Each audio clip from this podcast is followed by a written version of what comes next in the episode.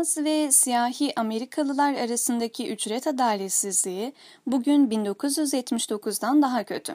Esma Ceceli The Garden Siyahi erkeklerin ortalama saat ücretleri 1979'da %22,2 iken 2015'te %31,0'a düştü.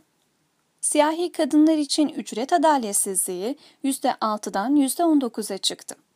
Ekonomik Politika Enstitüsü parantez içinde EPI tarafından hazırlanan yeni rapora göre bugün siyahi Amerikalılar beyaz meslektaşlarına göre 1979'da olduğundan daha az kazanıyorlar. Sol Eğilimli Araştırma Merkezi tarafından salı günü yayınlanan rapor, siyah beyaz erkeklerin ve siyah beyaz kadınların ücret adaletsizliğinin son 36 yılda arttığını gösteriyor. Siyahi erkeklerin ortalama saat ücreti farklılıkları beyaz erkeklerinkine kıyasla 1979'da %22,2 iken 2015'te %31'e çıktı. Kadınlar için ücret adaletsizliği 1979'da %6 iken 2015'te %19'a çıktı.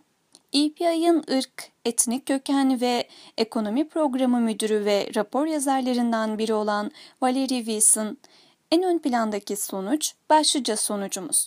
Irksal maaş adaletsizliğinin 2015'te 1979'da olduğundan daha büyük olması. Bu çok ciddi.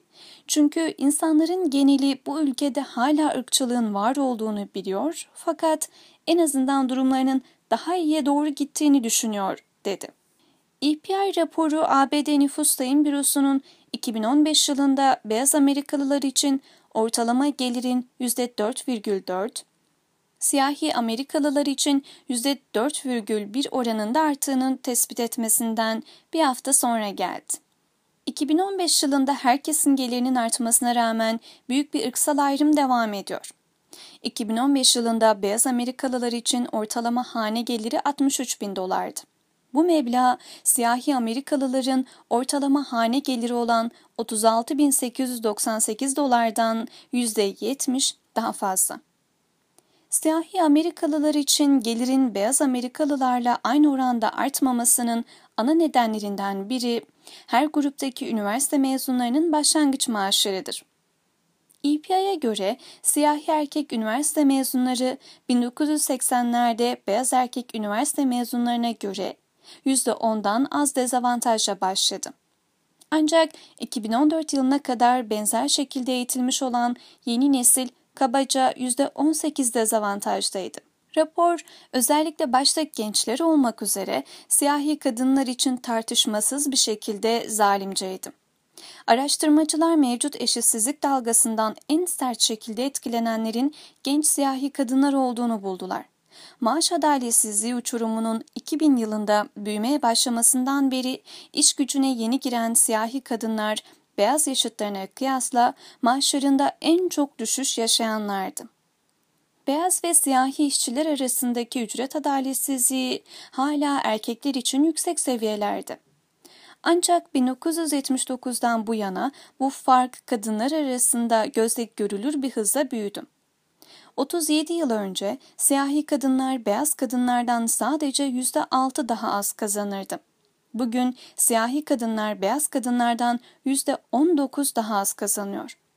Eğitimsel kazanımdaki farklılıklar ve diğer faktörler bu boşluğun sadece üçte birini açıklıyor. Örneğin siyahi kadınların güneyde daha fazla çalışma olasılıkları. Wilson bu eğilimin eğitimli siyahi kadınlar arasında küçük olduğunu görebileceğimizi söylemektedir.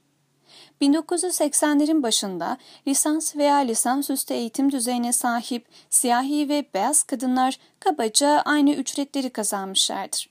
Ancak bugün lisans veya lisansüstü eğitim düzeyine sahip siyahi kadınların ücretleri beyaz meslektaşlarından %12.3 daha düşük. Bu sadece lise diplomasına sahip olan siyahi kadınların yaşadığı adaletsizliğin iki katıdır. Aynı zamanda ırksal ücret adaletsizliği arttıkça cinsiyetçi ücret adaletsizliği önemli ölçüde azalmıştır. Ancak ırksal ayrımcılığın etkileri siyahi kadınlar için elde edilen kazanımları silmiştir. Wilson, cinsiyetçi ücret adaletsizliğinin azalmasında siyahi kadınlara nazaran beyaz kadınların daha fazla fayda sağladığı apaçık belli demektedir.